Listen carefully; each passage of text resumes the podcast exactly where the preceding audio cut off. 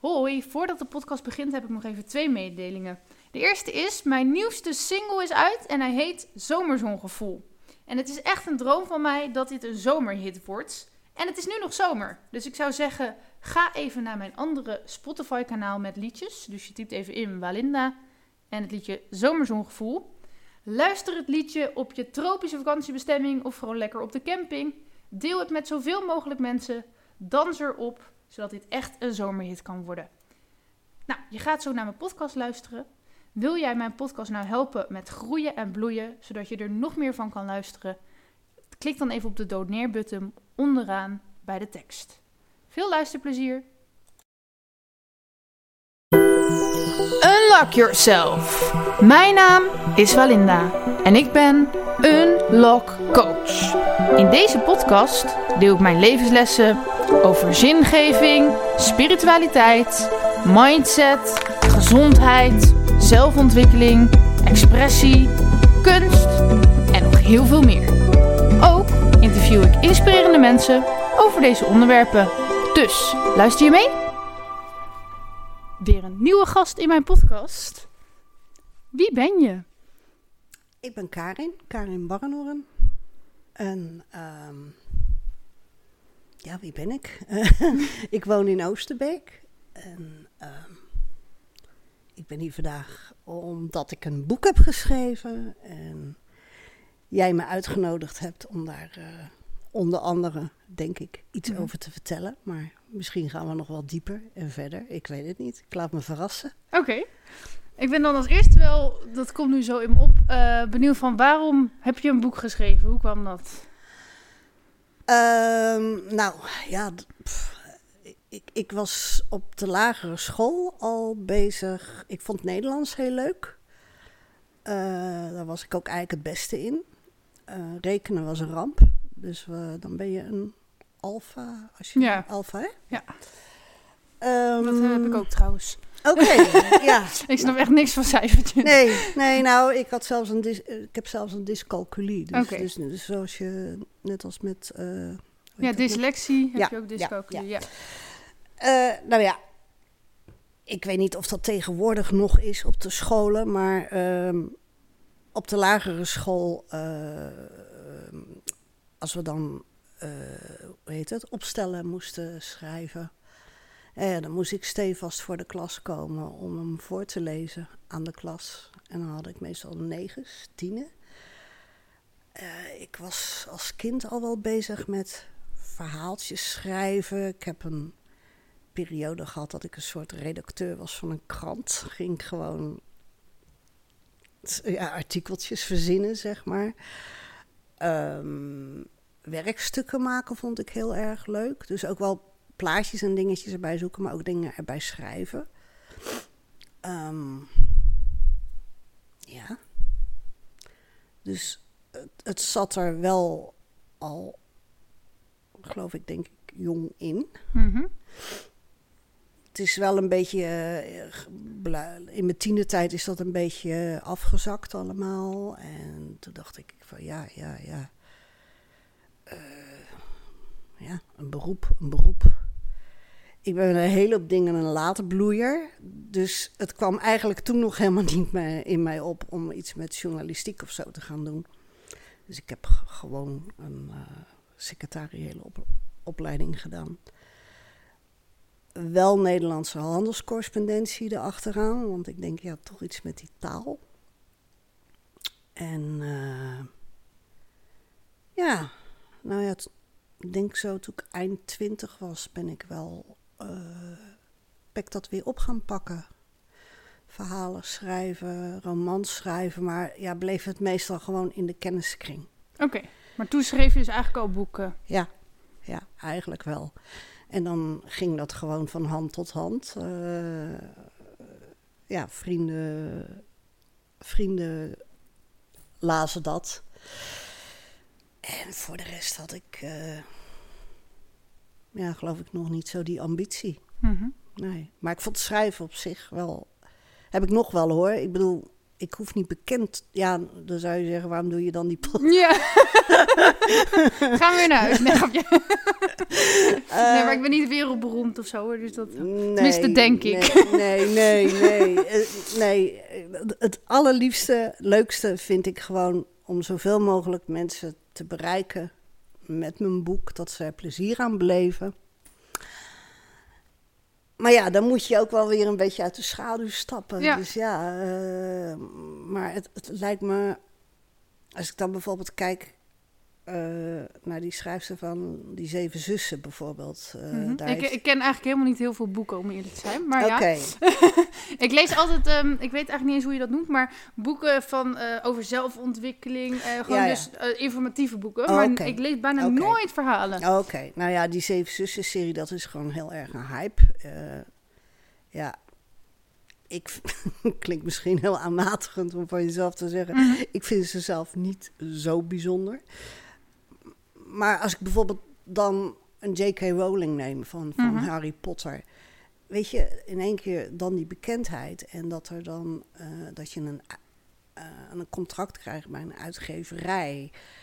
Ja, en dat er dan eigenlijk van je verwacht wordt om, eh, ja, om toch misschien eens in de zoveel tijd een boek af te leveren.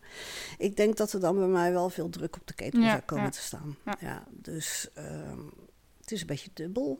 Ja, dus wat zou je dan... eh, want je hebt nu dus één officieel boek. Ja. Dit was je eerste boek. Ja. Hoe heet het trouwens? Ga nog even...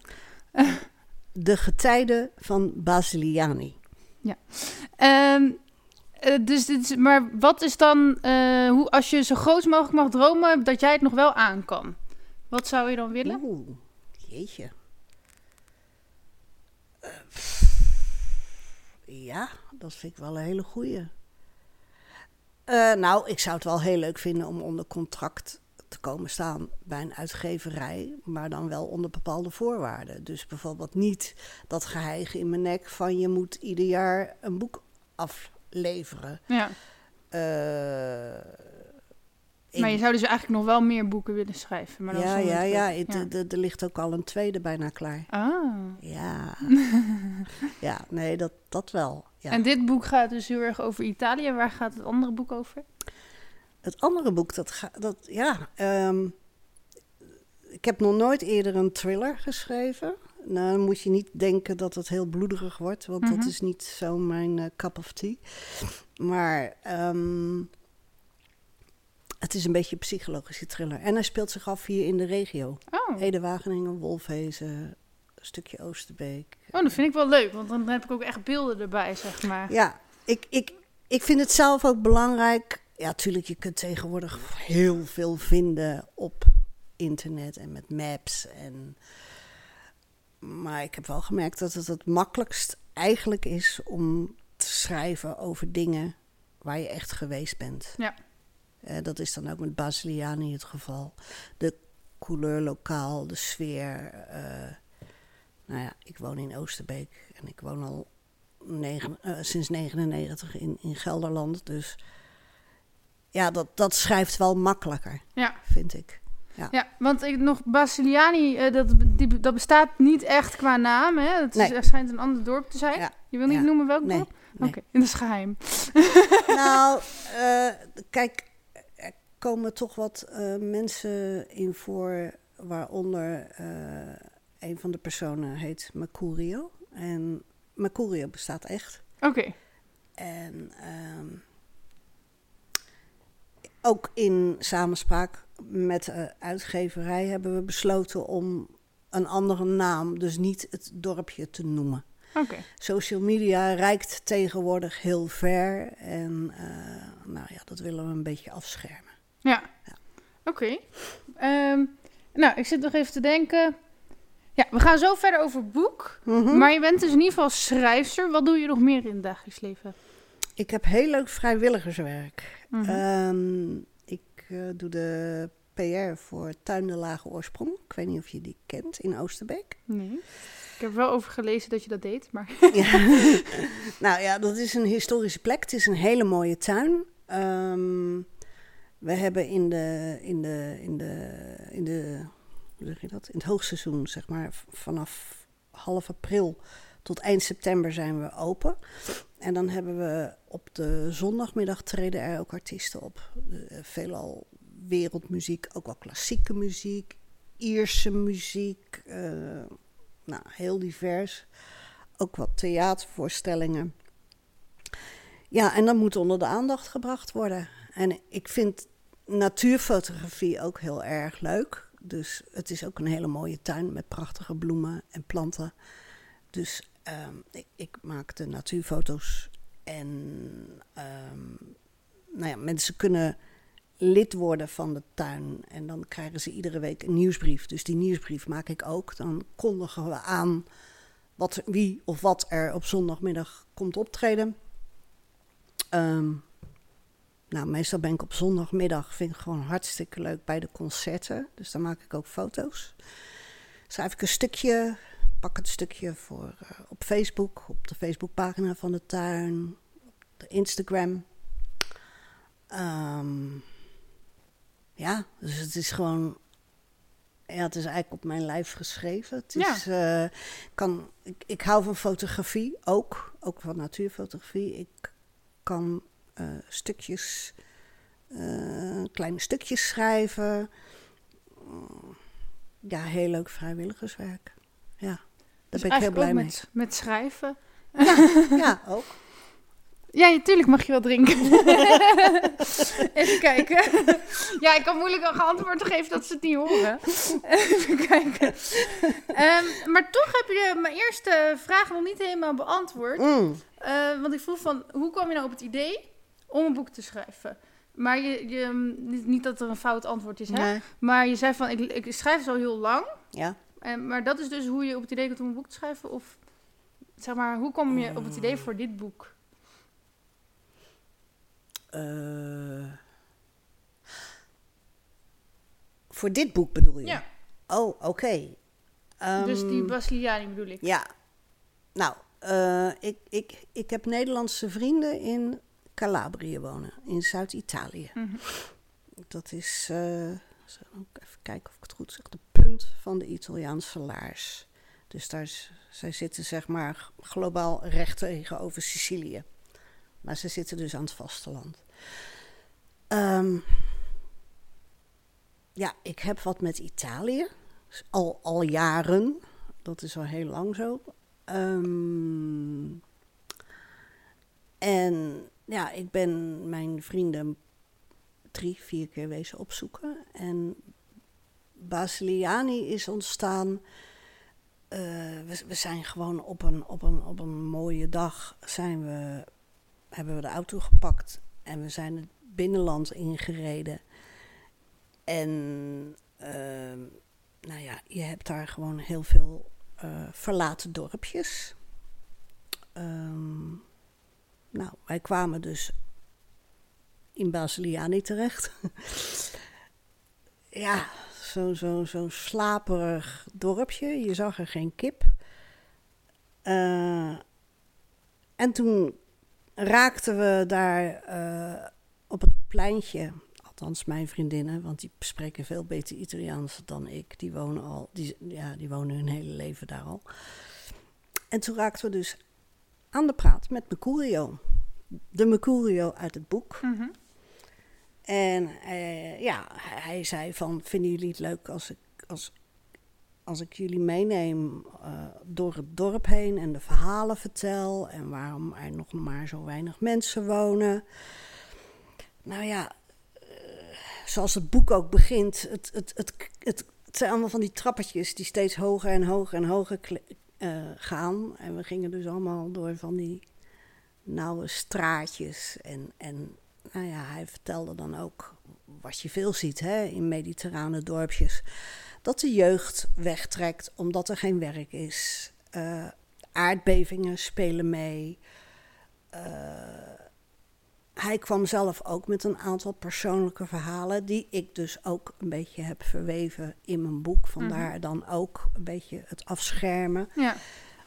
Um, ja, het was gewoon eigenlijk heel indrukwekkend. En nou ja, hij heeft echt bijna wel een uur voor ons uitgetrokken. En um, Terwijl jullie eigenlijk niet kent. Nee, ik kwam Nee. jullie gewoon spontaan tegen. Ja, ja. Wel heel lief. En eh, nou ja, wij hadden dus ook zoiets. eh, kijk, het, het was niet helemaal uitgestorven. Er wonen nog wel een paar mensen. En er was ook nog iets van een soort van. eh, ja, broodjeszaak, zeg maar. Dus wij hebben hem op een lunch getrakteerd. En. ehm, nou ja, hij had gewoon ook wel wat persoonlijke dingen gedeeld. Hij had het ook best soms wel moeilijk. Ook met herinneringen die hij nog had.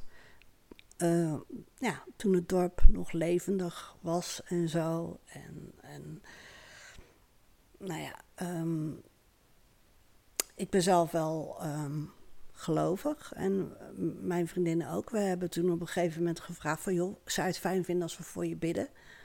Nou, vond hij heel fijn, dus... eh, ja, het was gewoon we zijn er gewoon om hem heen gaan staan en we hebben gewoon even voor hem gebeden. En hij raakte daar heel erg door ontroerd. En het was gewoon een hele bijzondere middag. En ja, die ervaring die bleef bij mij hangen. En eh, de maanden daarna dacht ik van, ik wil hier iets mee ik, wil dit op papier eh, zetten, maar hoe en wat? En ik wilde ook wel een stuk fictie erbij. En ik wilde ook nog wel een klein stukje eh, iets, iets, iets met de liefde erbij. ja. Dus, dus ja, zo, zo is het eigenlijk ontstaan, zeg maar. Ja, en schrijven op zich is voor mij er is maar één ding in mijn leven waarin ik het gevoel heb, dan ben ik helemaal, dan val ik samen met alles, dan ben ik helemaal in het hier en in het nu en dat is met schrijven. Dat heb ik met niks anders. Hm. Ehm, ik kan niet, zoals sommige schrijvers, een hele dag schrijven, dat lukt me niet. Mijn max is meestal vijf A4'tjes, dan ben ik ook best wel moe. Maar voldaan moe, Mhm. zeg maar. En dan borrelt het nog wel, maar als ik dan doorga, dan ga ik afraffelen. En dat wil ik niet. Dus Nee. dan eh, is het net zoiets als een hele lekkere bonbon. Je neemt er drie en de rest laat je liggen voor de volgende dag. Ehm,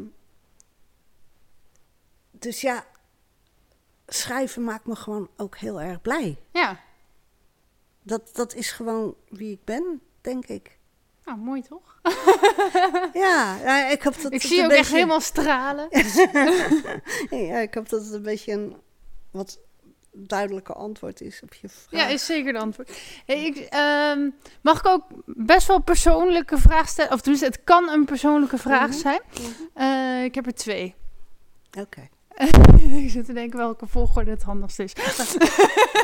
Oké, ehm, zitten er ook verhalen uit je eigen leven in dit boek? Beetje. Oké. Klein beetje.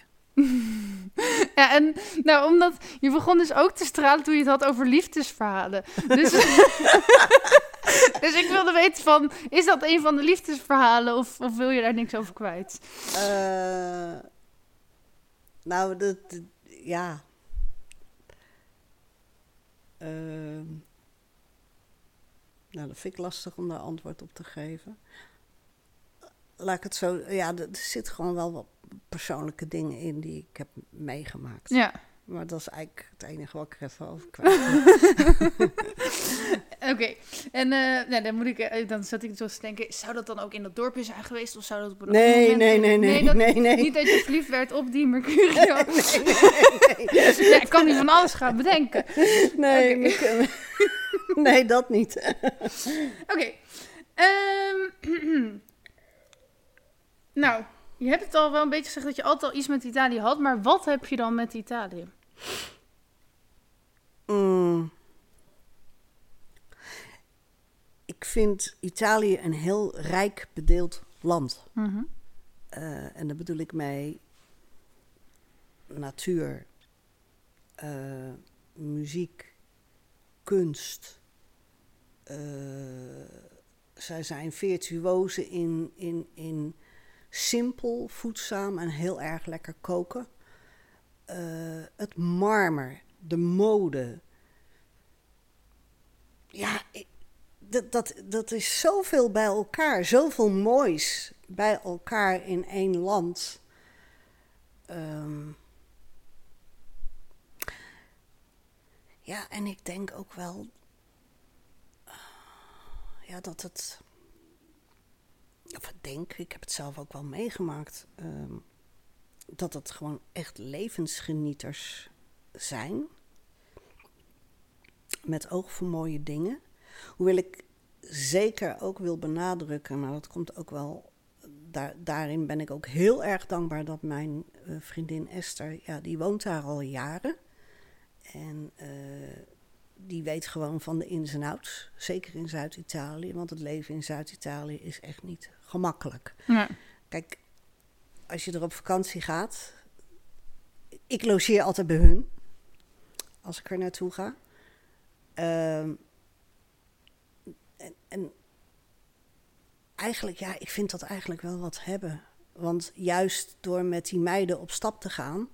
Zij spreken de taal goed. Je komt dus in contact met mensen waar je als toerist, als jij. eh, ja, normaal niet meer in contact komt. eh, nee, nee dan, dan, dan ga je meer de, de geëikte dingen doen. Dus je ziet ook wel de andere kant. En ik weet ook wel vanuit mijn contact met Esther dat het eh, echt niet altijd makkelijk is. Zeker niet in het diepe zuiden van Italië. Maar ja. mm. Weet je, ik zit op dit moment, ik weet niet of je het programma kent van Ilja Gort op reis. Ik kijk bijna geen tv, erg. Oké, nou ja, hij, hij is Nederlander. Ja. Hij, ehm, ik weet niet of je ook wel eens van een glaasje wijn drinkt. Eh, heel soms, ja. hij is van de slurpwijn. Ik weet niet of je die kent. Nou ja, hij is Nederlander en hij is al jaren eh, Frans. eh, hij is wijnboer in Frankrijk. ja. Maar goed, hij maakt voor de televisie maakt hij reisprogramma's. En onder andere ook naar Spanje, maar ook naar Italië. En ehm, hij gaat heel erg op zoek naar, ja, wat maakt Italië eh, nou zo bijzonder? Nou ja, en dan kom je inderdaad, hij komt eigenlijk ook een beetje uit bij ehm, het, het is zo'n rijk land. En met rijk bedoel ik niet zozeer in economische zin, want dat is zeker niet in het zuiden van Italië, maar rijk aan grondstoffen, Ja. stoffen, cultuur, kunst, nou ja, you name it. En, en, en ze hebben oog voor mooie dingen. Dus ja, ik. ehm, ik, ja, ik- waar dat vandaan komt, Walinda, dat weet ik echt niet. Maar ik geloof dat ik. Dat is bij mij begonnen Mhm. met. eh, oh, hoe heet dat nummer nou? Toen ik dat voor de eerste keer hoorde. Toen dacht ik, oh, wat is die taal mooi. Ik ben dus ook Misschien, van- eh, geen idee hoor, maar eh, in mijn hoofd komt nu Laura Pausini. Die? Ja, die is ook. eh, nee, Ticento van Mattia Bazar. Oké. Dat zal misschien jou niks Nee. zeggen. maar Oudere luisteraars misschien wel. Ja. Dat is dramatiek. Dat is passie. Dat is. Ah, toen, ik, toen, ik, toen, ik- toen ik dat voor het eerst. Ik denk, oh, wat. Zo wil ik het leren spreken. Ja, nou, daar ben ik na vijf jaar studie wel op teruggekomen.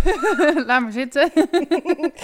Ehm, het, het, het- ja, dan moet je gewoon daar wonen en het dagelijks spreken. Ja. Ehm, kan Nou ja, sommige mensen hebben een talenknop, die kunnen echt heel makkelijk... eh, ja, Maar ja. ik heb dat ook niet door. Ik, ik Nee. moet echt in een land zijn en dan als ik het land weer uit ben, ben ik het ook weer vergeten. Ja, ja. ja het is. eh, en ik, ik laat het nu ook. Ja, weet je, door, door corona de afgelopen twee jaar ben ik daar ook niet geweest Nee, in nee, nee. Italië. Dus ja, dan laat je die, die taal ook een beetje, die studie een beetje. Maar ja, ik zou het wel leuk vinden om weer, eh, weer een keer te gaan. En ik weet gewoon als ik er ben, dan pak ik, pak ik het praat ook weer makkelijker op. En wanneer was je voor het eerst in Italië? Eh, oei. Dat was niet bij mijn vrienden. Dat was met een groep mensen. Ehm, wanneer was dat? Ik denk begin 2000. En toen zijn we naar Turijn geweest. Ook een hele mooie stad. En toen hadden we een soort van eh, trainingsweekend met elkaar in de Piemonte. Dus dat is vrij noordelijk. Maar vond ik ook erg mooi. Dat maakte toen ook al heel veel indruk eh, op me. En ik heb niet zo heel veel van Turijn gezien, maar het wel een hele mooie stad. En ik zou nog veel meer van Italië willen zien. Maar ja, dan hangt ook een beetje prijskaart aan natuurlijk. Mhm. En, eh, ja, het is een beetje keuzes maken. En eh, hoe vaak kom je nu dan nog in Italië? Ja, de laatste paar jaar dus niet. Ja, 2018 is het eh, laatste geweest. Dus het wordt wel weer tijd, vind ik. Ja. Ja, ja. Nou, ga. ja, ja. Ehm, ik zit even te denken hoor. Nou, in het boek, dus ik heb eh, even voor de luisteraars. eh, ik heb gisteren de hele dag het boek gelezen. Van 10 uur s ochtends tot 10 uur s avonds. Ik wilde er eerder aan beginnen. Maar eh, ja, mijn excuus is dus dat ik normaal nooit verhalende boeken lees. Maar speciaal voor jou dus wel gedaan. En ehm, ben er doorheen gekomen. maar ehm, het, wat, ja, wat mij trouwens opviel aan het boek, was dat het echt heel beeldend is verteld. Dus, dus eh, jij kan echt heel goed in verschillende zinnen omschrijven hoe het weer was, hoe het rook, hoe het eruit Dat vond ik echt heel knap. mhm, Ja, dat vond ik echt heel knap. Ja.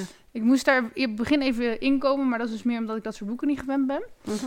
En ehm, ja, ik vond het wel so- voor mezelf, maar dat is misschien ook dus omdat ik niet heel vaak dit soort boeken lees, eh, lastig op het begin van wie is nou wie. Dus je had zoveel Mhm. verschillende persoonlijkheden van, ehm, ja, dat, dat vond ik soms even lastig. Mhm. Maar ik heb er natuurlijk ook als een soort treinvaart doorheen gelezen. dus ik heb niet echt de tijd genomen om me. Maar ehm, eh, wat ook echt opvalt, voor, tenminste denk ik, want ik heb er niet echt verstand van, maar dat, eh, dat jij best wel veel kennis lijkt te hebben over Italië in het boek. Maar ik las Mhm. dan later dat je dus een vriendin hebt die je daarbij heeft geholpen. Ja. Maar ik wilde nog wel zeggen van, hoe kom je aan al je kennis over Italië? Eh, nou ja, inderdaad. Kijk, mijn vriendin Esther die woont er al vanaf dat ze een klein meisje was. Eh, we, zo, we hebben laatst... Ik heb laatst trouwens nog een... Ja, dat was niet van jou, een andere podcast. Dat was Je wel mag heel- ook andere podcasts luisteren ja, hoor. mag ook, gelukkig, gelukkig. nou, dat, dat- ik vraag me namelijk altijd, Ja. ik heb het daar wel vaker met haar over, van dan zeg ik, voel jij je nou Nederlands of Italiaans? En dat is best wel een lastig iets voor haar, Ja. zeg maar. Want ze is met de Italiaan ook getrouwd. En, eh, maar, ehm, ja... En ook natuurlijk, nogmaals, door, door, doordat ik, ehm, ehm, als ik bij hun ben, bij hun ben, ja, krijg, je, ja, krijg je veel mee van de couleur lokaal. Maar tijdens het schrijven heb ik ook heel vaak aan haar gevraagd van, joh, hoe zit dat eh, nou precies? En ehm, eh, weet je, er is bijvoorbeeld een stukje in het boek, eh, dan komt iemand in het ziekenhuis terecht. Mhm. En doordat er eigenlijk gewoon zo eh, weinig nachtpersoneel is, is het eigenlijk altijd de bedoeling dat iemand gewoon van de familie in een, gewoon in een stoel naast dat bed gaat zitten. om die persoon s'nachts een glaasje water te geven of weet ik het wat. Dus dat is. Toen ik dat voor de eerste keer hoorde, eh, ik zeg dan soms wel een zwaarder geintje tegen Esther, van wel een bananenrepubliek eh, nog hoor, bij jullie. Nou ja, dan ga je gewoon dus met je klapstoel, eh, ga je s'nachts bij dat bed zitten. Maar je moet wel s'morgens pleiten zijn met je klapstoel voordat de doktersronde komt. Want ja, dat, dat kan dus niet. Dat- Oké, eh, ja, nou ja, dat, dat is voor ons bijna niet denkbaar. nee. En, nou En ja, je dat mag is- ook geen matrasje neerleggen om te slapen. weet ik niet. Oh. Kan het nog even voor je na? nou, dat maakt niet uit, maar dat bedenk ik me dan nu. ja, het, het, nou ja, toen ik dat dus hoorde. ehm, Ja, maar ook als je dan nog gewoon... Dus, dus een van mijn familieleden of vrienden zou in het ziekenhuis terechtkomen... dan moet je dus met je klapstoeltje naast, naast, gaan zitten. En de volgende dag moet je gewoon naar je werk of zo. En dan... Ja, dat lijkt me ook heel... ja, nou ja, overdag is er dan wel natuurlijk verpleging. Ja, maar meer Maar van, dan heb je dus de er- hele nacht ja. niet geslapen... omdat je naast je, Ja, naast je oma moet zitten. Nou ja, vaak is het zo dat dan de hele familie eh, afwisselt. Oh ja. Dat is dan wel weer een mooie Plo- samenwerking. plo- plo- ploegendienst, ja. ja. en in Italië wonen ze volgens mij ook heel vaak nog gewoon met, met allerlei generaties bij elkaar in huis. Hè? Met oma nog in huis. Ook en nog zo. wel. Ja, bij mijn vriendinnen dan niet, maar het wordt wel heel veel gedaan. Ja. Ja, ja. En die, die familiesfeer, dat is wel gewoon heel mooi. Ja, en verder mijn kennis van Italië. Nou, ik, ja, ik vind het gewoon heel erg leuk om... eh, je hebt dat blad Italië, de smaak van Italië en Italië. Lees je ook wel veel achtergronddingen, programma's over Italië. ehm, ja. En kijk, het is een groot land. Ehm, ik bedoel, dingen zijn hier in ons kleine landje in Limburg al anders dan in Amsterdam, Ja. zeg maar. Dus, en Italië is nog groter. Eh, dus iedere, eh, eh, ja, zeg ik dat goed, provincie, ik weet niet hoe ze dat nou precies noemen. Maar die heeft natuurlijk ook weer zijn eigen, eigen dingen. Mhm. Ehm, en het noorden is gewoon ja, rijker en daar is gewoon meer werkgelegenheid. En, eh, dus dat is ook altijd wel een beetje een dingetje, het noorden en het zuiden. Dat, eh, het zuiden voelt zich ook altijd wel achtergesteld. En wat ook inderdaad wel zo is. En, ehm, dus ja, dan heb je ook weer een andere couleur lokaal natuurlijk. Mhm. Ja. Ik zit even kijken wat ik nog meer voor vragen had opgeschreven. Mm, wat is voor jou het doel van je boek?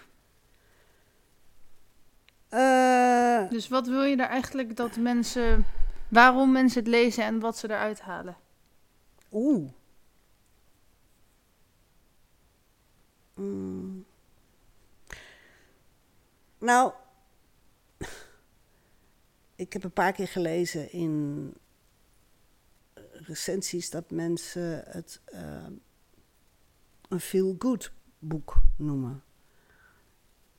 Ehm, deels denk ik dat dat zo is, deels hoop ik toch ook.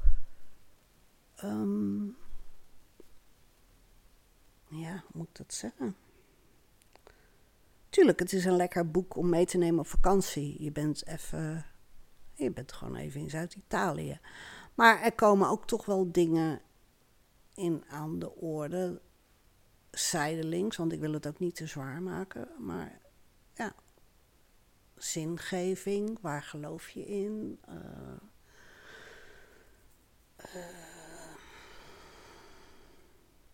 Nou, eh, zoals bijvoorbeeld met Curio, hoe dingen uit het verleden je nog kunnen achtervolgen en waar, daar waar je last van kan hebben. Eh, ja, oké, het, is misschien een beetje eindgoed, al goed iets. Maar ik wou er, ja, ik, ik, ik, ik wil er wel wat meer mee overbrengen. En wat is dan de belangrijkste boodschap? Moeten we die dan zelf uit proberen te halen? Ja, ik, ik, ik, ik, ik- ja, hoe moet je het zeggen? Ehm, ik, ik vind het een, zelf een boek waar best wel veel in langs komt. Mhm. Ehm, ik, ik, ik kan niet zeggen van. eh, ja, ik, nee, ik, ik, persoonlijk zie ik het niet echt enkel en alleen als een feel-good roman. Ja, wat ze eruit.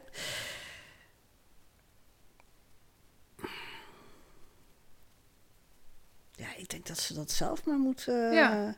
Ja, maar toch zit ik dan wel van... Oké, dus er was een dorpje wat jij heel leuk Mhm, vond. Daar wilde mhm. je dus... Dat heeft je zo geraakt dat je er een boek over wilde Mhm, schrijven. Maar dan wilde je dus iets aan de buitenwereld meegeven van dat dorpje. En wat is dat iets wat je ze mee wil geven? Mm. Nou ja, ehm, dat je.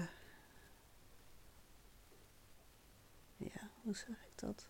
Kijk, eh, Lois, de hoofdpersoon, is wel een doortastend type.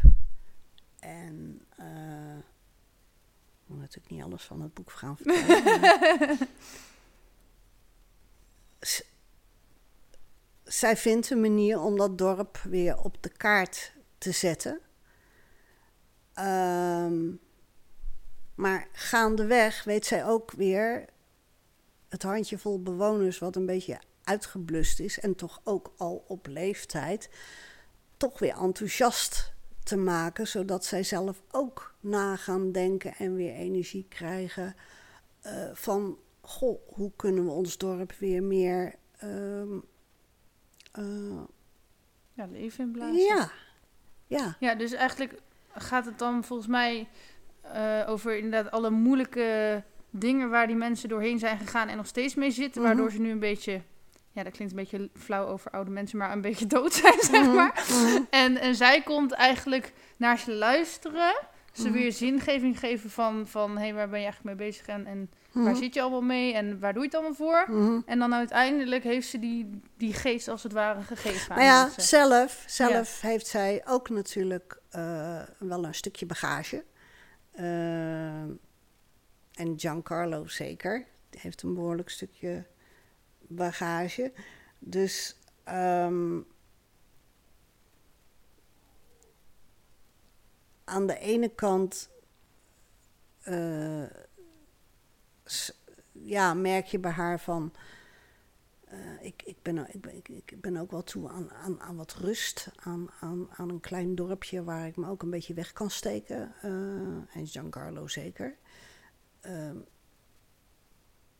maar toch wordt ze ook gegrepen door, door van, ja, maar hier moet iets meer van. En dat, dat tenminste, ik hoop dat ik dat heb kunnen overbrengen. Dat,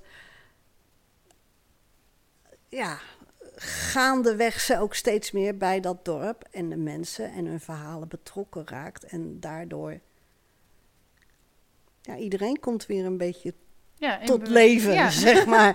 Ja, dat is wel mooi. Want, je, want je denkt rust, uitrusten en, en uh, niks meer moeten. Ja. Maar als je dan dus echt gegrepen wordt, dan, dan krijg je weer energie om actie te ondernemen. En het gaat dus ook heel erg over verbinding. Nou, dat is wel mooi.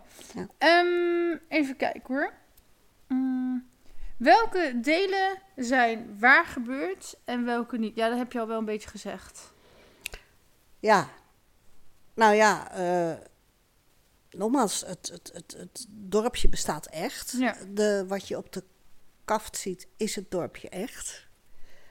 Uh, ik, daar was ik trouwens heel erg blij mee. Want um, bij Boekscout kun je dan zeg maar een omslag uitkiezen. Ik had al een, een omslag.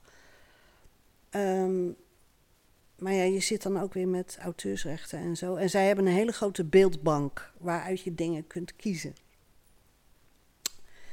En het is gewoon zo dat, ja, een kaft is heel erg belangrijk. Dat is het eerste toch wat je ziet.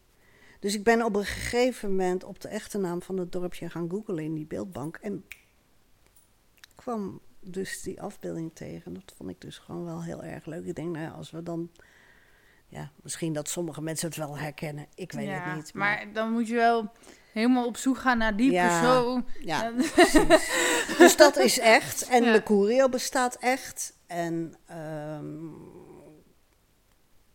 ja, voor de rest ook wel heel veel fictie. Dat, dat stukje met de kleindochter van Mercurio bijvoorbeeld, dat, dat heb ik. Dat, dat, was, dat was ook het leuke aan schrijven. Ik heb wel globaal in mijn hoofd wat ik wil zeggen en wat ik wil maar er kunnen ook in één keer zijdingen bij komen. Dat was ik helemaal niet van plan. Nee. En dat, ik vond, wilde, dat, vond ik, dat vond ik wel een spannend stukje. Daar werd ik, ging ik opeens aan.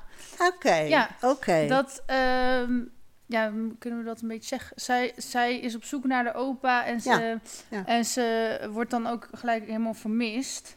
Ja. Dat, dat was wel heel spannend gebracht. Oké, leuk. En daar leuk. vroeg ik me ook nog van af, hoe, hoe kwam je daarop? Maar dat was gewoon spontaan dus. Dat was gewoon spontaan. Dat is niet echt gebeurd. Ik, ik, dat, dat had eigenlijk ook wel te maken met... Uh, ja, dat is zo... Ik heb er best lang aan gewerkt. En op een gegeven moment gaan die mensen gewoon... Leven. leven. Ja. Het was net alsof ik gewoon dagelijks in dat dorp was. Terwijl ik aan het schrijven was. En ik had eigenlijk zoiets van, Gert Verder, ik wil helemaal nog niet afschrijven. Laat ik er nog eens wat leuks. wat zou ik er nog bij en toen kwam dat heel spontaan op. En, uh, Ja, en ik wilde. ehm, kijk, de, de echte Mercurio, zou ik maar zeggen. Nou ja, die, ik, weet niet hoe, dat, hoe het nu met hem is, maar had het best wel moeilijk. Mhm. En ik wilde hem graag in het boek een wat meer happy end geven. Dus dat, speelde ook mee. Misschien, eh, misschien gebeurt het dan in het echt ook wel, omdat jij dat dan al- als het ware over hem hebt uitgezegen. Wie zal het zeggen? Ehm, herkennen mensen uit je omgeving, want je hebt dus veel mensen die iets met Italië hebben en dat dorp. Mhm. Ehm, herkenden ze zich ook in het verhaal? Of misschien heb je zelfs wel de mensen uit het dorp. Ja, dat is een beetje lastig, want het is niet in het Italiaans. Nee, het is niet. Nee. Nee. Eh, nou ja, het was natuurlijk voor Esther en haar zus wel herkenbaar, omdat wij natuurlijk met z'n drieën daar zijn geweest. Zij hebben trouwens het meest met Mercurio gesproken, want nogmaals, ja, zo goed is mijn Italiaans niet. En van hun heb ik ook echt meer de details gehoord van hoe dat is gegaan in het dorp en wat hij zelf heeft meegemaakt. En, eh, dus ja, of mensen, ja, ja, het is nee, het is moeilijk te beantwoorden, want het boek is niet in het Italiaans vertaald. Nee, Dat zou ik wel heel leuk vinden. Maar ja, dan is in één keer ook wel, denk ik, alles veel meer in beeld. En, en kijk, het is toch een bestaand iemand, ja, die ik als Want hij weet niet dat er over hem is geschreven. Nee, nee, nee, nee. Wel cool. Als je daar, het lijkt mij wel grappig als, als ik gewoon aan het einde van mijn leven erachter zou komen dat iemand het boek over je heeft geschreven. Ja, of iemand vindt dat helemaal En- niet leuk.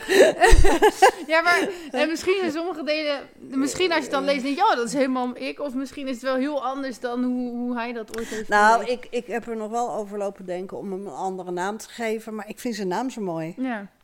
Ik denk, ja, dat, dat wil ik toch zo laten.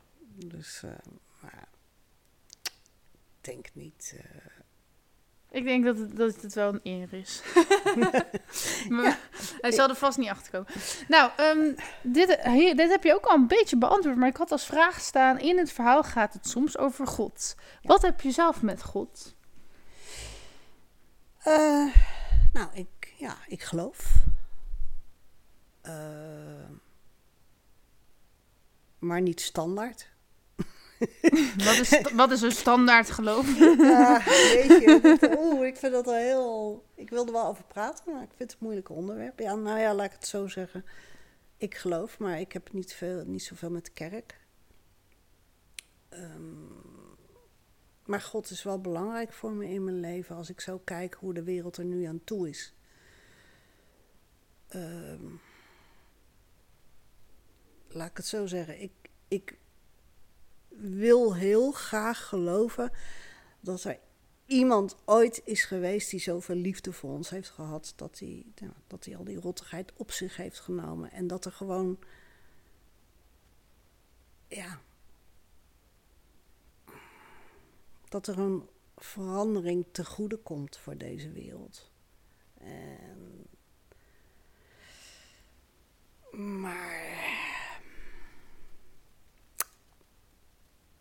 Het gaat bij mij ook soms wel een beetje op en neer, moet Mhm. ik zeggen. Heel eer- maar ik zou ook niet in de wereld willen zijn zonder mijn geloof. Want ik haal er wel een stuk rust en kracht uit. Ja, Ja, zeker weten.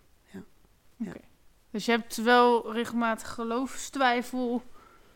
Ik twijfel zeker. Ja, ja. Ja. dat komt ook eh, zeker voor. Ehm,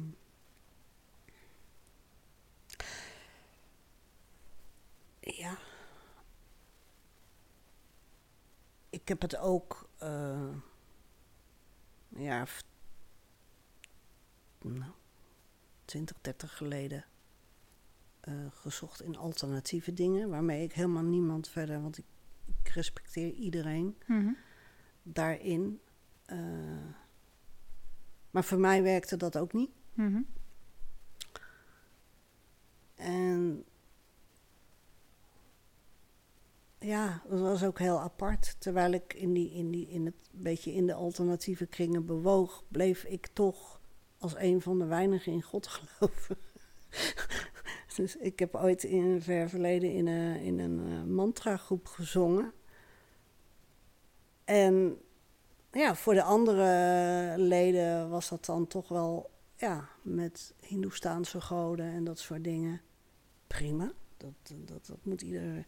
Maar ik, dat matchte bij mij op de een of andere nie- manier niet in mijn hart. Daar kon ik. Het waren voor mij gewoon mooie liedjes. Ja. En niet dat ik daar zelf iets, iets oh, eh, religieus of zo aan verbond. Eh, dus ik bleef zelfs toen ik in de alternatieve kringen bewoog ook een beetje vreemde been, eend in de bijt. Eh, ja, omdat ik toch eigenlijk gewoon, gewoon in God geloofde. En, en, en ja, en nog, maar ja, ik vind het soms wel moeilijk. Ja, ik heb dan eh godsdienst gestudeerd en ik was dus heel vroeger eh, heel, ja, heel kerkelijk. Ik ging naar allemaal van die evangelische gemeenten en zo. Mhm. En nu ga ik inderdaad ook naar mantra groepen. En toen zat ik dus laatst zat ik in zo'n mantra kringetje te zitten. En toen dacht ik van ja, eigenlijk is er ook niet heel veel veranderd. Het is gewoon net een ander naamje wat je het godje geeft, zeg maar. Maar ja, het voelde wel bijna hetzelfde voor mij eigenlijk. Oké, oké. Ja, nee, dat heb ik niet. Nee, Nee. nee, dat had ik. Nee. Oké. Nee, nee. Ja, en het is natuurlijk wel, eh, tenminste die mensen die mantra kringen, die dragen dan eh, meer een soort Indiaas-achtige kleding. Of ik weet niet precies Ja. wat het allemaal is. oh ja, nou, in die dingen heb ik ook wel gelopen hoor. En met yin-yang tekens op mijn Mhm. voorhoofd. En eh, ja, maar ik, Ja, ik vond daar geen, geen, geen rust in. En. ehm, nou moet ik ook er eerlijk bij zeggen, en vandaar dat ik ook niet vaak naar een kerk ga, daar vind ik ook niet echt rust. Ehm, ik ben van huis uit katholiek. Mhm. En die hebben natuurlijk toch wel meer met dat contemplatieve, zeg maar. Ja. Naar binnen keren, Ja. eh, klooster, dat soort Ja, eh, dingen. En ehm, hoe, hoewel ik, ja, tuurlijk, sowieso heeft dat katholicisme door misbruik en al dat soort dingen natuurlijk een slechte naam eh, gekregen. Wat, ehm, ja, tegelijkertijd, nogmaals, en ik wil heel, want het is een precair onderwerp en ik wil niemand beledigen daarin. Maar ik geloof zelf niet zo in een.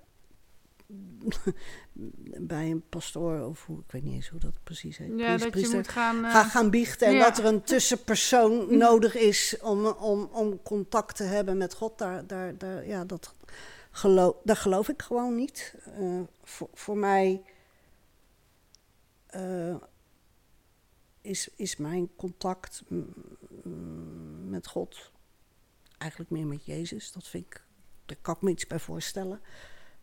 Iets, heel persoonlijks. En dat vind ik ook niet in een kerk eigenlijk. Ehm, het, het fijnste vind ik eigenlijk om. ehm, ik hou van de natuur, ik hou van natuurfotografie, om de natuur in te gaan en de stilte in te gaan. En goed, ja, een ander gaat misschien op een berg zitten mediteren en haalt daar Boeddha bij of weet ik veel wie. Ja, ik richt me dan op Jezus. Ja, maar is Jezus dan... Zie je dan een man op een wolkje voor je? Nee, Of- ja, nee, snap je? Dat vind ik ook altijd van. Wat voor beeld heb je daar dan bij? Of Ja. heb je daar helemaal geen beeld bij? Maar... Nou, ik bedoel het niet oneerbiedig, maar gewoon een beetje een hippie in een lang wit gewaad, sandalen. En zoals, als, eh, ja... eh, ja, dat. Nou, hippie vind ik wel een leuke. gewoon een man,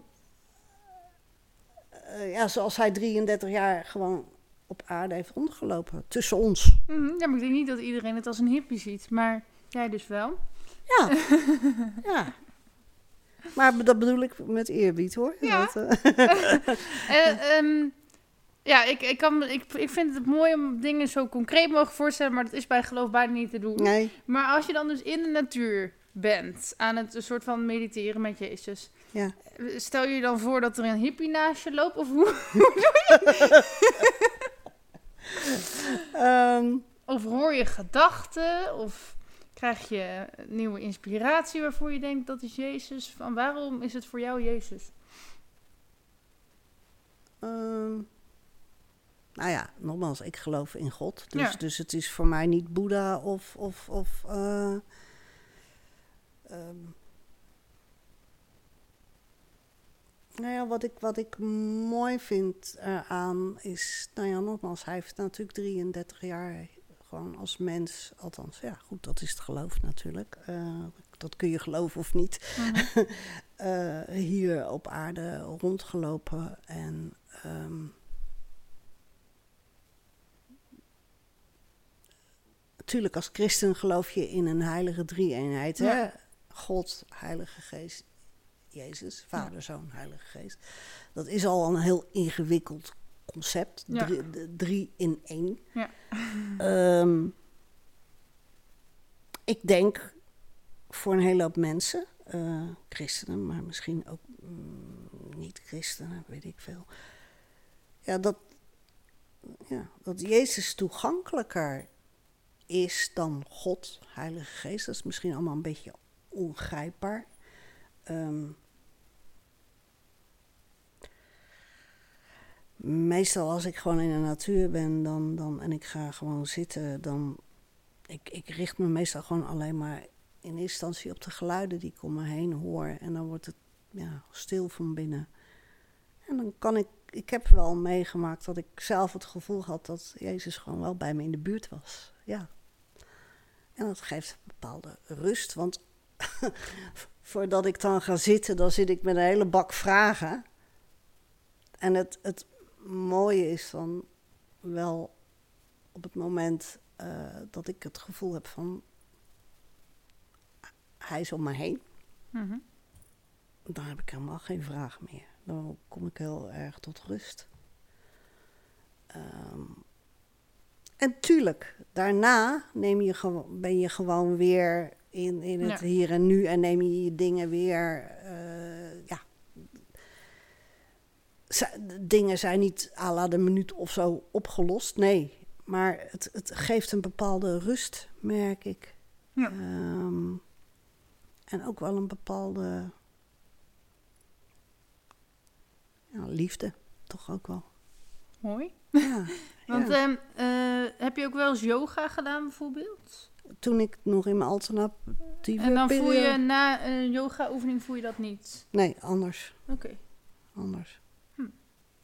Ja, ik heb dat dus, dus als ik heel lang mediteer, dan voor mij voelt dat hetzelfde als ehm, in het bos eh, tot God bidden, zeg maar. Oké. Nou, nee, nou, nou, als ik in het bos loop en ik ga tot God bidden, dan, dan krijg ik juist allemaal verhalen of beelden of, of eh, nou ja, een beschrijfinspiratie, zeg maar, over levensboodschappen. Mhm. En als ik eh, heel lang ga mediteren, dan, dan voel ik rust, vrede, liefde. Oké, Ja. ja, ja. Maar Ja. jij denkt dat dat dan wat anders is of is dat mijn andere beleving? Wat denk je? Ja, ja, ik heb het vergelijkingsmateriaal. Ja, voor jezelf niet. Voor mij is het een andere beleving. Ja. Ja. Oké. Maar zie, dat, ja, dat is een lastige uitspraak om jou te laten doen nu in een podcast. nou, maar er zijn groepen christenen Ja. die, die zien dat dan echt als duivels, bijvoorbeeld yoga. Maar dat is misschien, dat wil ik je nu ook niet laten uitspreken. Maar, maar heb, je, heb je zelfs iets van, ik zou dan niet zo snel meer dat soort dingen gaan doen? Ik heb er niet meer zoveel behoefte aan. Nee, omdat je het gewoon ergens anders vindt. Ja. Oké, nou, dat is mooi. Ehm, ik, heb, ik heb echt best wel veel dingen. Ik, heb ook nog zelfs eh Reiki-diploma gehaald. Eh,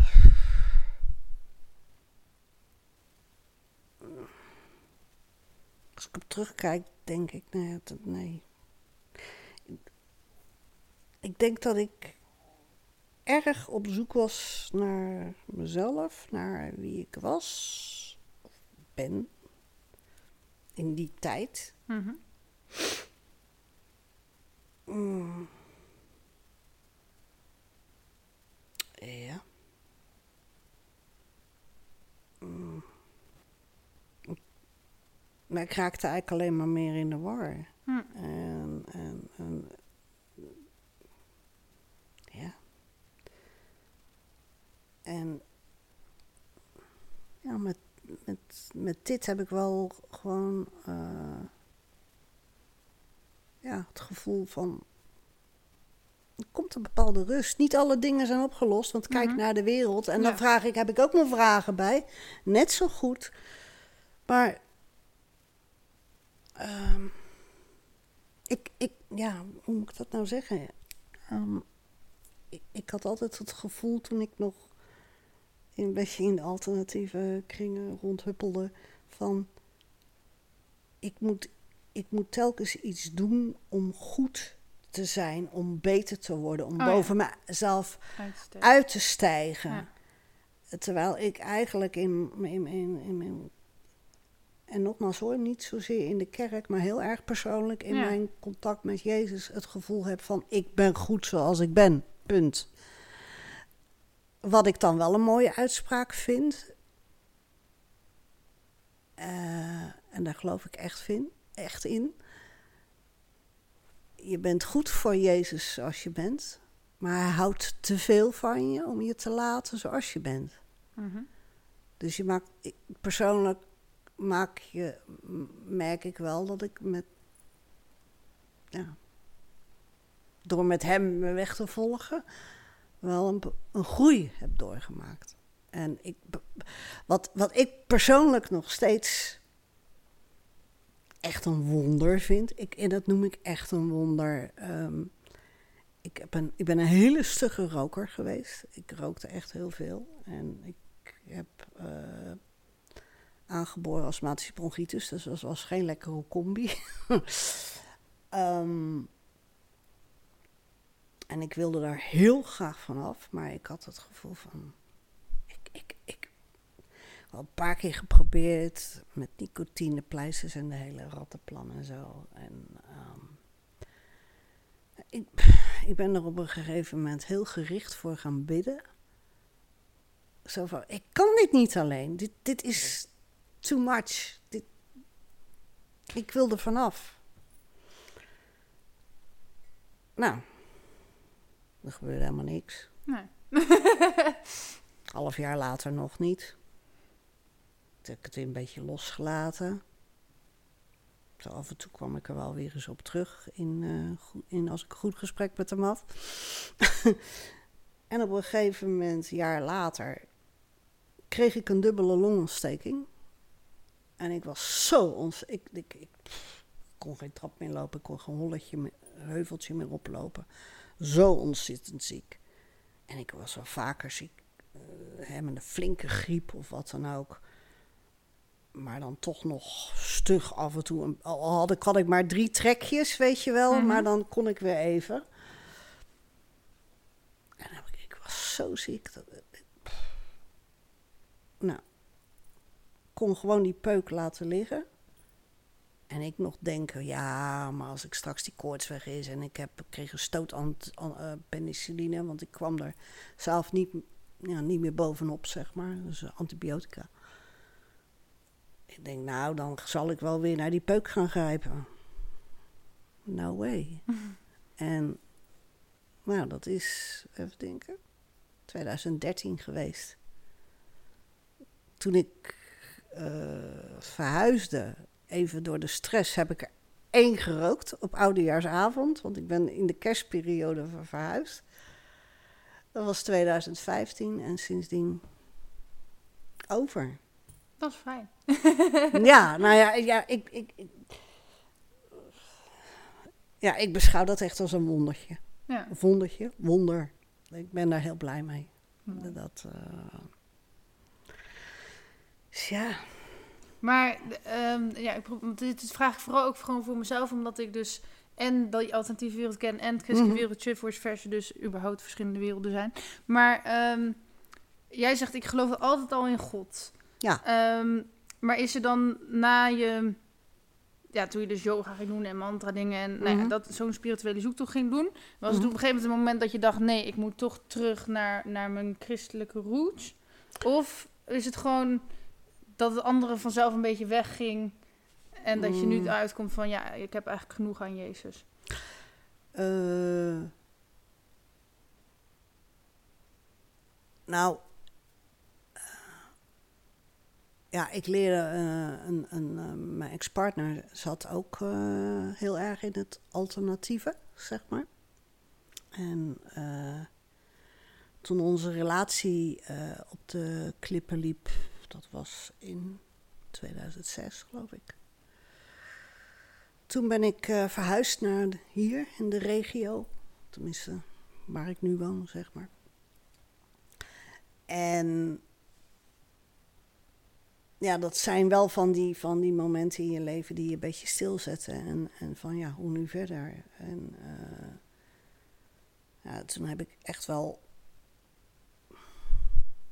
aantal jaar gehad dat ik behoorlijk aan het zwabberen was, zeg maar. Ik was een beetje be- de weg kwijt. Ik ga verder niet in detail treden, maar ik was aardig de weg kwijt. Mhm. En ehm, nou, ik zag zelf ook wel zo dat het zo niet verder ging. En, en ik, ik vond het niet hier en ik vond het niet daar en ik vond het niet zus en ik vond het niet zo. En ehm, ja, nou ja, toen ben ik toch gaandeweg wel weer een klein beetje, eh, ja, gewoon maar ik, ja, ik vond het ook moeilijk, want... Hè, ik- nou ja, goed, ik ben van huis uit dan katholiek. Maar ik vond, ik vond het ook niet in de katholieke kerk. Dat vond ik Nee. allemaal met die heilige beelden en, en, en, een, en een priester en, en, en een... Nou ja, dat wierook was nog wel aardig, hè, vanuit het alternatief. Meer wierook, meer wierook. Ja. Mooi weer. en ehm, nou ja, toen ben ik op een gegeven moment ben ik, eh, ben ik gewoon maar eens een beetje in evangelische kerken rond gaan kijken. Ja. En dat vond ik in het begin. eh, Nou, wat ik vooral wel mooi vond, eh, de muziek raakte mij heel erg. Dat vond ik echt wel gewoon heel mooi. En ik was echt wel aardig. Ja, wat ik al zei, behoorlijk spoorbijster door allerlei, door een hoop dingen. En ehm, ja, het voelde, voelde wel als een, als een warm bad. Ehm, maar ja, goed, dat is ook weer een proces. Gaandeweg, naarmate de jaren zijn verstreken, ben ik er wel achter gekomen van. ehm, ja, ehm, ik heb niet zoveel met een kerk. Nee. Nee. Ehm, ik, heb daar, ik heb wel een aantal hele lieve vrienden, ook eh, uit die hoek. Maar soms denk ik wel eens, ehm, hè, want we zeggen altijd van. ehm,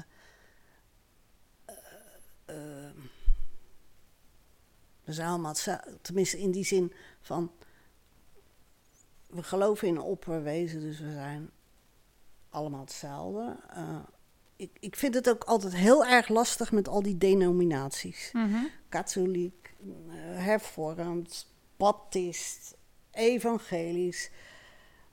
Ehm, toch denk ik wel. eh, kijk, ik ben een kind van de jaren zestig. Eh, mijn ouders zijn, die mochten niet veel. Dus zij hadden zoiets toen ik in de jaren zestig opgroeide. eh, we, willen niet te krampachtig doen. We, we, we willen dat jij meer kan en mag eh, dan wij. Dus.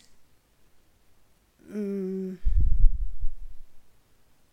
er waren wel regels thuis hoor. Het was niet anarchie bij ons thuis, maar ehm, het was anders. Ehm, en ik denk wel eens waardoor ik misschien ook niet helemaal. Dat heb ik toch gevoel trouwens toch al mijn hele leven hoor. Dat Mhm. ik nergens echt match. Ook Mhm. niet in het alternatieve en ook niet in het evangelische of baptisten of weet ik het wat. Ik hou al sowieso niet van die, Stempeltjes. van die etiketjes. Maar wat ik wel. Unlock Yourself, ja? wat, ik wel, wat ik wel merk is. Ik, ik ben niet in die christelijke bubbel opgegroeid. Ik heb die katholieke achtergrond. Er mocht veel, er kon veel thuis. Eh, misschien waren er niet altijd evenveel regels. Eh, maar dat maakt dat ik me ook niet helemaal in dat hele Ja. in, in de christelijke bubbel eh, thuis voel. Ik, ik voel me ook niet echt thuis. Ja, het stukje contemplatieve van de katholieke kerk vind ik heel mooi. Ik, Mhm. ik, ik heb ook twee keer wel een retret gedaan in een klooster. Vind ik heel gaaf. Ehm, ik heb me ook nooit echt helemaal thuis gevoeld in het alternatieve. Dus het is. Ja, maar ik denk, nee, je mag het natuurlijk zelf weten, maar, maar voor mezelf, ik pik gewoon eruit wat voor mij werkt en, en wat niet. Ja, ja. Nou ja, ik denk dat dat inderdaad. En, en dat merk ik dat ik daar nu de laatste paar jaren meer mee bezig Alleen ben. de meeste, ja, wat, wat eh, dogmatisch denkende kerken zullen dat niet, niet zeggen dat dat goed is. Maar Nee, nee, dat klopt. dat klopt. Ja, nee, want je hoort toch eigenlijk bij, naar een gemeente te gaan Ja. en, en dat soort dingen. Ik, nou ja, in die zin was de coronatijd voor mij een ideale tijd. Want ik kijk dan wel, eh, ik heb toen in die twee jaar wel livestream dienst, ge- diensten gekeken. En een enkele keer doe ik dat nog wel. Wat ik bijvoorbeeld een erge goede eh, dominee Visser van de Maranatenkerk in Rotterdam. Die had, was toen ook heel kritisch op het hele corona gebeuren. Maar ja, goed, dat was weer een heel ander verhaal. Maar die durfde wel dingen uit eh, te spreken en kritische kanttekeningen eh, daar, bij sommige dingen te plaatsen. Dus ik, ik kijk af en toe wel naar een, eh, maar ook niet, zeker niet iedere zondag. Het- Ik, laat dat maar gewoon een beetje ontstaan. En eh, ja, ik ben ook wel een beetje iemand die eh, kan fluctueren in stemming. Misschien heb je dat gewoon als schrijver nodig om mooie boeken te kunnen. ik herken het in ieder geval bij mezelf. en maar ken je dat ook, dat je dan heel blij bent? En eh, dat het dan opeens voelt van ja, alles is voorbestemd en ik voel God of zo. En dan voel je je heel slecht en dan denk je van ja, het slaat allemaal nergens op. Ja, dat heb ik soms wel, ja. Ja. Ja. Ja, ja, ja, Dan kan ik de deur wel... Nou, nee, ik gooi de deur nooit helemaal dicht. Hij Nee. blijft op een kiertje. Ja, ja. Ja, ja, ja. Maar dat maakt het ook niet altijd makkelijk. Nee. Want, ehm, nou, ik moet wel eerlijk zeggen, eh, de kerkgemeente waar ik geweest ben, ik ga er dus nu bijna nooit meer naartoe, maar gelukkig geen kerkgemeente waar het alleen maar happy clappy is. Dus er is ook zeker wel eh, oog voor lijden. Mhm. Maar ik weet ook dat er ook gewoon best wel veel eh, gemeentes zijn waar.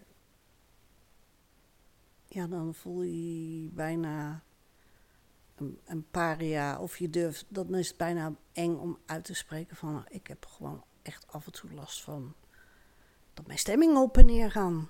Want ja, dat, dat kan niet. Weet je wel, en dat... Nou ja, dat zijn allemaal een beetje zo die dingen. Ik, ik, ik hou het liever klein. Dat Ja. ik het dan gewoon, hoe ik me voel, bij Jezus breng. En eh, ja, ik heb dan altijd wel het gevoel dat ik gewoon mag komen. Met mijn shit en ook met mijn blijdschap. En, en, en. Maar ja, het is wel zo inderdaad. Als ik soms die stemming heb, dan, dan is het lastiger om. om eh, dan is het inderdaad me- meer van. Ik gooi die deur niet dicht, maar ik zet hem op een kiertje. En, Ja, maar het eh, kan ook wel weer hoop. Tenminste, dat heb ik wel van. ehm, ik denk, als ik me slecht voel, denk ik wel eens van, nou, het is allemaal, eh, er is geen god of wat, er is Mm. niks voorbestemd en we Mm. zitten hier gewoon in een onzinwereld. Toevallig eh, zijn we hier Mm. nou eenmaal terechtgekomen. Een parallel-universum. Eh, maar, maar dan kan ik ook weer denken, ja, het, ik kan wel denken dat het allemaal onzin is, maar dat brengt me nu ook niet verder, zeg maar. Dus dan geeft het ook wel weer Ja. hoop om te kiezen om iets te geloven, zeg maar. Klopt, klopt. Dus in ieder geval Er zijn natuurlijk ook hele Mhm. cynische mensen die, die, die, die van mensen, van christenen zeggen van ja, nou ja, dat zijn van die zielepieten die, die, die, die, ja, die willen gewoon eh, hoop hebben. Nou, misschien is dat inderdaad wel zo. Ja, maar dat helpt toch ook? Ik bedoel, Ja. kijk, waar haal jij hoop uit als je deze wereld om je heen ziet? Ik zou het niet weten hoor. Nee. Echt niet. Maar ook gewoon geloven in jezelf kan ook. Maar ik bedoel van... ehm, ja, als je het allemaal nergens meer... Ja, ik weet niet. Ik denk gewoon altijd ergens in geloven gaat je altijd verder brengen dan nergens in geloven. Dat denk Precies, ik dat vind ik een hele mooie. dat, dat heb je mooi gezegd. Ja. Ja, ja. En ehm, ja, nou goed. Ehm, ja, ik zat te denken, kan ik er dan nog meer uitspraken over? Denk, nee, dan ga Ah, ik... nou ja, weet je, Linda, het is een onderwerp waar je heel veel over kan. Ik eh, weet het. En ik vind het ook wel een mooi onderwerp. Ja. Ik ga even kijken of ik de belangrijkste vragen heb gesteld. Want we zitten echt ehm, ruim aan onze tijd, hoor. Ja, ik, ik, ik zie het. Het gaat sneller als dat ik dacht. Eh, ja, ik wil toch nog... Omdat het nu toch over spiritualiteit gaat en zo. Ja, Maar nu wordt het wel weer ingewikkeld misschien. Maar ik las ook iets over... Ik weet niet meer wie dat was in je boek. Een man die zag zijn overleden zus nog op de bank zitten of zo. eh, ja. ehm, met- Mercurio met zijn zusje. En toen vroeg ik me dus af... Geloof je in geesten en heb je wel eens geesten gezien? Hoe zie je dat? Mm. Ik denk wel dat daar. Ja. Dat ze er zijn. Ik heb ze zelf gelukkig nooit gezien. Ik zou daar niet blij van worden, denk ik. Ehm, ik denk wel dat er eh, meer is tussen hemel en aarde. En dat we daar eh, voorzichtig mee soms moeten zijn. En je kunt er ook kwade dingen mee, eh, mee oproepen. Mhm. Ehm, en eh, bovendien, ja, dat was dus een van de dingen die Mercurio ons vertelde, doordat hij zo nog die herinneringen had aan hoe levendig het dorp eens was. En in het verhaal komt op een gegeven moment ook aan de orde hoe zijn vader aan zijn eind is gekomen. En dat is echt zo gebeurd. Eh, hij had soms het gevoel dat er entiteiten in zijn huis waren. Ja. Hij hoorde geluiden. Ja, pff, ik, ik ben geen therapeut. eh, het kan zijn dat hij gewoon echt heel erg in het verleden leefde. We weten het niet. Daarom hebben wij toen ook met hem gebeden om hem wat meer rust te geven. Oh, ja, ja, ja. Dus dat is wel echt, eh, ja. Oké. Ja, ik nee, denk... ik dacht van misschien heb je zelf wel dat soort ervaring, maar dat was meer uit zijn verhaal. Dus Ja. ja, wat ik dan zelf, maar dat weet jij ook niet, denk ik. Hm. maar ik geloof denk ik ook wel, of tenminste, ik heb vaker verhalen gehoord van mensen die in geesten geloven. Dat sowieso. Mhm, mhm. Ehm, maar ik vraag me dan altijd af, zouden dat dan overleden mensen zijn? Dat je hier als het ware blijft hangen? Of zijn het demonen wat helemaal geen mensen zijn, maar een soort, ja, dat vind ik altijd een beetje ingewikkeld. Mm, Misschien zijn ze het wel allebei. Ik geloof wel dat er demonen zijn, ja. Ik geloof wel in een... eh, in een, in een Slechte kant. Ja. Hm. dat geloof ik zeer zeker. En eh, ik denk ook... Ja, gaan we toch weer een beetje terug. Ja, mag nog. Ehm, nou, dat daarin tussen het goddelijke en dingen die we niet zien, maar die er wel degelijk zijn, dat daar een strijd gaande is. Ja. Dat geloof ik zeer zeker. En met, ook met wat je ziet. eh, ik, ik vind het ook steeds meer. Nou, als je soms al ziet hoe, hoe, hoe mensen. Wat mensen. Dan kun je zeggen, ja, dat is van alle eeuwen. Maar sommige dingen worden echt gemeen. Als je, als je nieuws leest, ook hoe dieren soms vreselijk mishandeld kunnen worden. Dan denk ik, wat is dit? Wat, het lijkt wel of het zich steeds scherper op de snede gaat afspelen. Dus ik heb zelf, geloof ik, dat er wel degelijk achter de schermen een strijd aan de gang is. Ja. Ja. En, maar, ehm, want je kan, ja, sorry, ik vind het gewoon heel interessant. Je kan ook denken bij zo'n man die dan dus denkt dat er nog geesten in zijn huis lopen. Hmm. eh, van, dat is toch fijn dat zijn familieleden nog bij hem zijn. Of denk ik dan te positief? Mm, ik zou er niet blij van worden hoor, als ik mijn eh, ouders. eh, nee, nee, nee, nee, nee. Nee. Nee, ik zou daar zelf niet blij van worden. Ehm.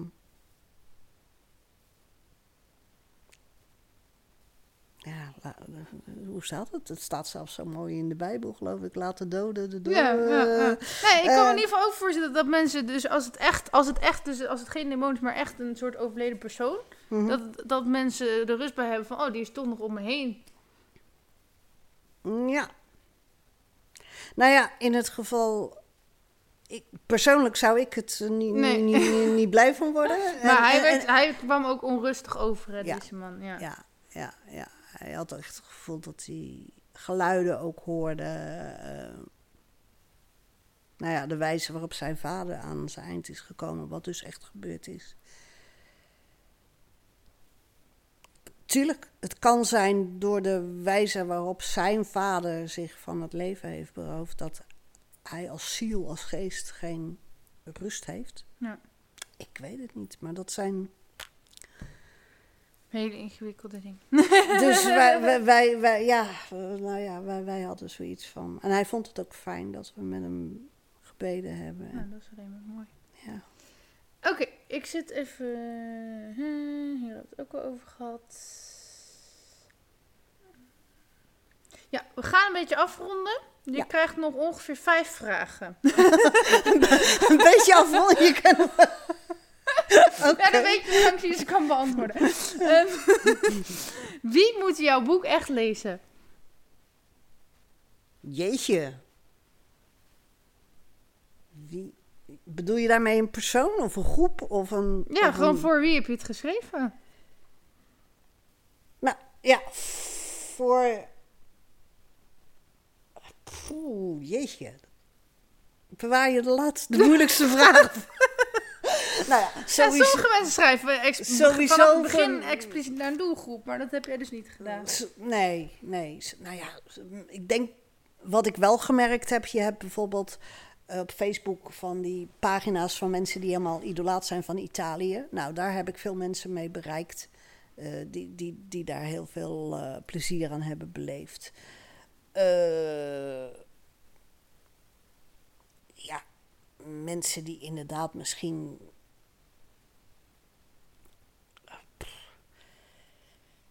ja, misschien ook wel een beetje op bezoek zijn naar ehm, ehm, ehm, eh, loslaten en opnieuw beginnen.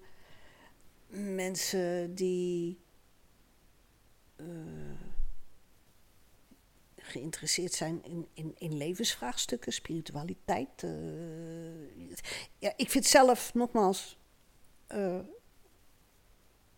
ja, ik vind het meer dan een feel-good roman. Ik vind Mhm. dat er meerdere lagen in zitten. Dus nou, voor iedereen die het leuk vindt. Weet je wat de volgende vraag is? nou, Waarom moet iedereen jouw boek lezen?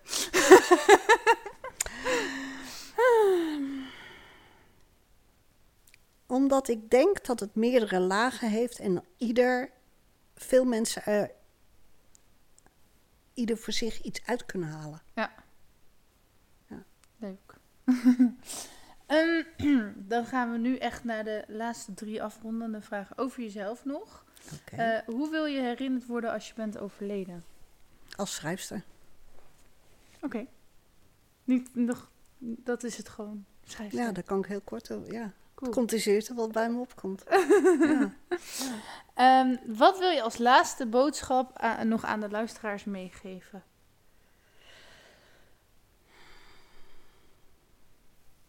Mm. Blijf dicht bij jezelf. Eh, als je een droom hebt, ga hem achterna. Eh, denk niet meteen van dat kan niet, of dat lukt me niet, of dat vindt men gek, of ik, pas niet in het plaatje. Mm. Misschien kan ik daar nog heel even een beetje nuanceren. Ik ben zelf eh HSP'er, hoogsensitief. En daar heb ik ook een lange tijd over gedaan om, om dat te snappen. Om te aanvaarden dat ik ben wie ik ben. Ehm, dus ja, ik zou heel graag aan de mensen willen meegeven. eh, omarm wie je bent. Want je bent uniek. En eh, ga ervoor. Oké, dan is de allerlaatste vraag en dan ren ik ondertussen weg. Ehm, waar kunnen mensen je vinden als ze meer over je willen weten? En hoe kunnen ze natuurlijk aan je boek komen? Ja. Nou, ehm, je kunt mijn boek bestellen eh, bij Bolkom onder de titel De Getijden van Basiliani.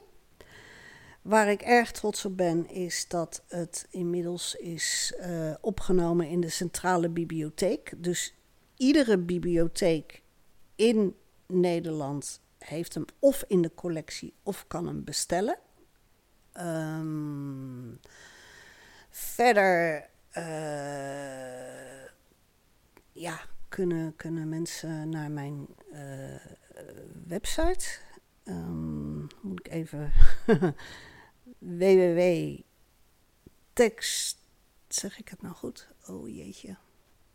Ja, nee, de naam is veranderd. Je kan ook, je kan ook zeggen wat ze in Google in moeten typen. Um, ja, mijn naam en de, en de titel van het boek. Dus nog één keer je naam en de titel van het boek dan? De Getijden van Basiliani, Karin Barnhorn. Wacht even, voor ik weet niet of mensen me horen. Dus dat kun je googlen en dan vind je haar website. Ja, ja. En, ja, wil je nog meer zeggen? Nou, ik heb ook nog een uh, Facebookpagina, Karin Schrijft. En daar kunnen ze natuurlijk altijd even ook een berichtje sturen van, joh, uh, ja, en bij. Oh, sorry. bij uh, uh, Boekscout heeft dus ook een webwinkel op haar site. En daar staat het boek ook. Daar kun je hem ook kopen. Joe.